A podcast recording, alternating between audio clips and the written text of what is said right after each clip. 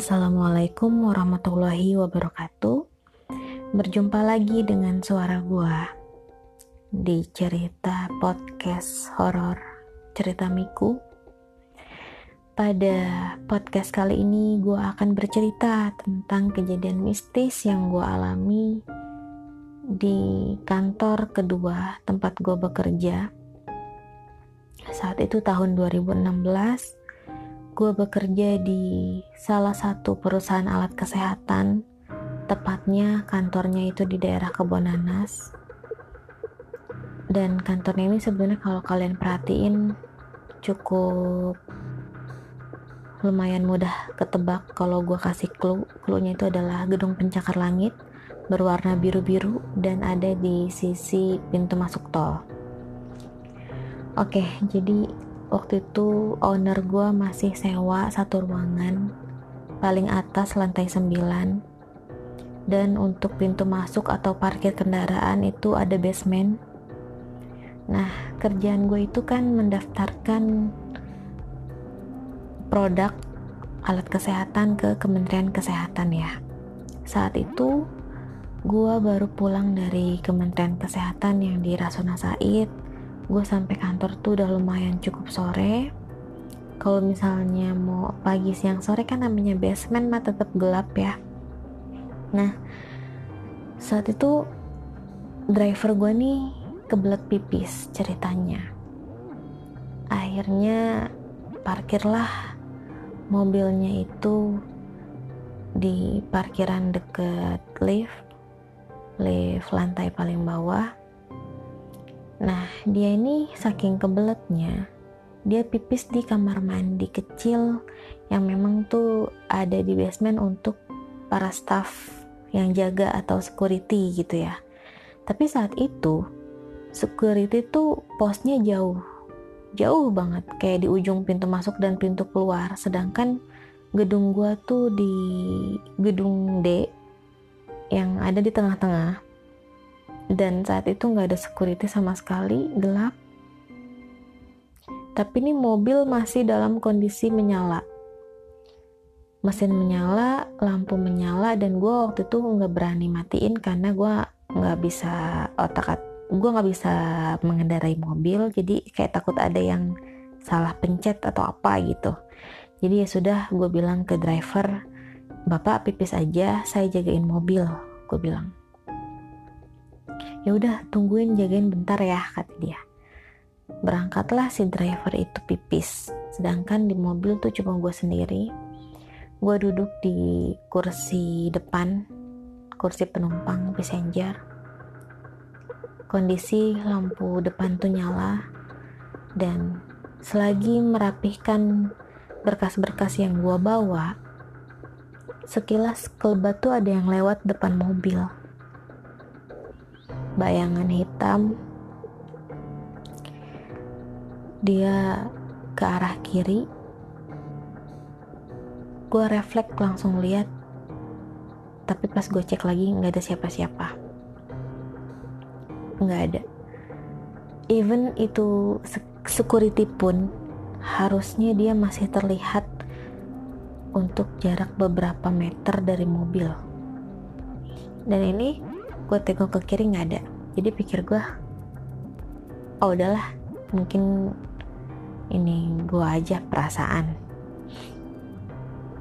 Beberapa detik kemudian gue melanjutkan beres-beres berkas-berkas gue lagi yang ada di dalam mobil. Gue cek barang-barang gue apakah ada yang tertinggal di mobil atau tidak. Bayangan itu lewat lagi kali ini ke arah kanan. Terus lagi-lagi gue melihat lang refleks gitu ya dan nggak ada siapa-siapa. Pikir gue waktu itu adalah apa nih? Si bapak udah selesai pipis ya. Terus dia lewat gitu, tapi nggak ada. Akhirnya gue abaikan lagi. Setelah gue abaikan, gue lanjut-lanjut beres lagi. Dan si bayangan itu lewat lagi dan lewatnya itu bener-bener ngelewatin depan mobil yang mana kan lampu depan mobil tuh masih nyala ya kayak lampu jauh apa iya lampu jauh mobil tuh nyala. Jadi kalau misalnya ada orang lewat gitu kan jadi kayak lampunya tuh kayak uh, nge ngebias ya kayak ada yang kayak bener-bener dilewatin lah gitu. Dan ini gue refleks lagi melihat tapi lagi-lagi tidak ada apa-apa. Jadi di situ gue bingung gue pikir itu adalah security tapi bukan Sejauh mata memandang, gue putar arah 180 derajat, 360 derajat. Tidak ada seorang pun di basement itu. Dan mulailah akhirnya gue berpikir, oke, okay, ini ada sosok yang lewat yang memang bukan kaum manusia gitu ya. Istilahnya tuh tak kasat mata lah. Tapi terlihat oleh ekor mata gue dan gue merasa dikerjai waktu itu. Karena setiap dia le dia lewat gue tengok nggak ada. Setiap gue lagi nunduk dia lewat lagi gue tengok lagi nggak ada. Begitu terus sampai tiga kali. Sampai akhirnya gue merinding. Untuk ketiga kalinya gue merinding. Dan alhamdulillahnya waktu itu si bapak driver sudah datang. Dia bilang udah bos udah matiin aja nih mobil. Terus gue bilang pak coba bentar pak. Jangan dulu dimatiin lampunya. Gue tuh kayak mau mempraktekkan gitu. Kalau misalnya ada yang lewat lampunya tuh kayak agak ngedip sedikit atau gimana. Dan itu benar.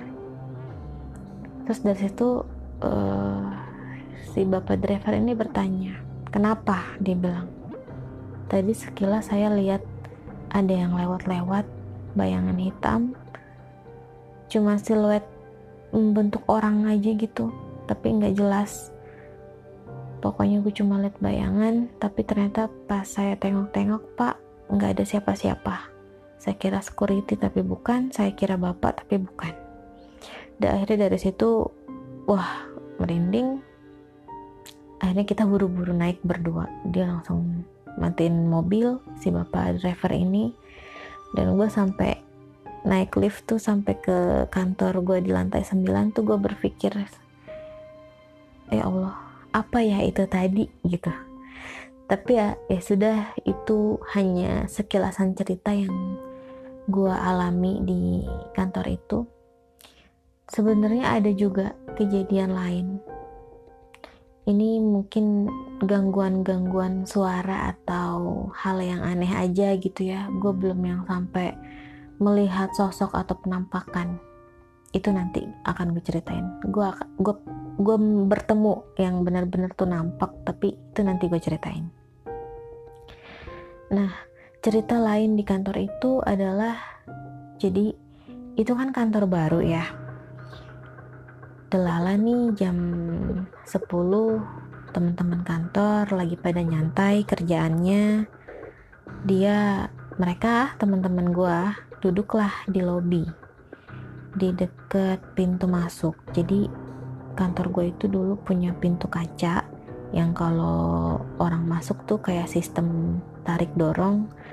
Dan itu tuh kalau pintunya ketutup otomatis kekunci. Nah saat itu posisi pintu sedang tertutup dan kita tuh di sofa itu lagi ngomongin hal-hal mistis gitu ada direktur keuangan waktu itu Ibu Oni namanya. Dia sedang menceritakan bahwa dahulunya di kantor ini adalah kuburan beliau bilang. Tapi ya nggak tahu sebenarnya aslinya gimana cuma ya kita asik-asik aja gitu mendengarkan kisah-kisah mistis seperti itu. Dia juga bercerita ibu kantin tuh ada nemu kuntilanak di kantor gedung apa gitu di ruko gedung apa. Ya, lagi seru-seru lah namanya kita nyeritain kisah mistis kan. Nah lagi tegang-tegangnya nih ngedengerin cerita si ibu Oni. Itu itu tiba-tiba pintu ngegebrak sendiri. Seperti ada yang mendobrak dengan telapak tangan gitu brak gitu. Dan itu ada lima orang teman kantor termasuk gue ya menyaksikan langsung. Dibilang angin nggak mungkin karena kita posisi di dalam ruangan pintu di dalam di dalam pintu. Angin nggak mungkin jendela ketutup. Dibilang mengunci otomatis sudah terkunci otomatis karena itu pintu sudah menutup lama dan tidak ada yang keluar masuk dan kalau mau ada yang masuk pun ya kita pasti bisa melihat karena pintu kaca itu transparan. Jadi benar-benar di luar nalar atau di luar logika ketika pintu itu ngegebrak dengan sendirinya kita speechless langsung terdiam dan tapi kita tetap melanjutkan cerita itu. Entah entah kenapa. Mungkin itu yang dibilang orang kalau misalnya kita cerita-cerita horor mereka tuh ada dan sebenarnya hmm, untuk cerita horor kayak gini gue lumayan agak ngeri juga. Karena berasanya tuh kayak banyak yang dengerin sedangkan gue posisi di rumah sendirian gitu. Makanya ini menjadi salah satu penyebab kenapa gue tuh males-malesan banget bikin cerita horor kayak gini tapi kayak terlalu sayang kalau nggak diceritain gitu. Gue punya banyak pengalaman tapi kalau gue nggak bikin arsip tuh kayak aduh sayang banget. Sedangkan sebelum-sebelumnya tuh gue arsipin di buku tulis kan. Gue males nyatet. Nah akhirnya gue senang bercerita. Alhamdulillah ketemu wadah Spotify ini untuk bercerita makanya gue bercerita. Tapi lama-lama ngeri ya gitu. Itu salah satu alasan gue selain kesibukan dan malas. Nah balik lagi ke kantor itu itu kan kantor lantai 1 2 3 5 6 7 8 tuh kosong kan ya? Belum ada yang sewa atau membangun saat itu belum belum belum laku untuk disewain ke PT-PT lain juga.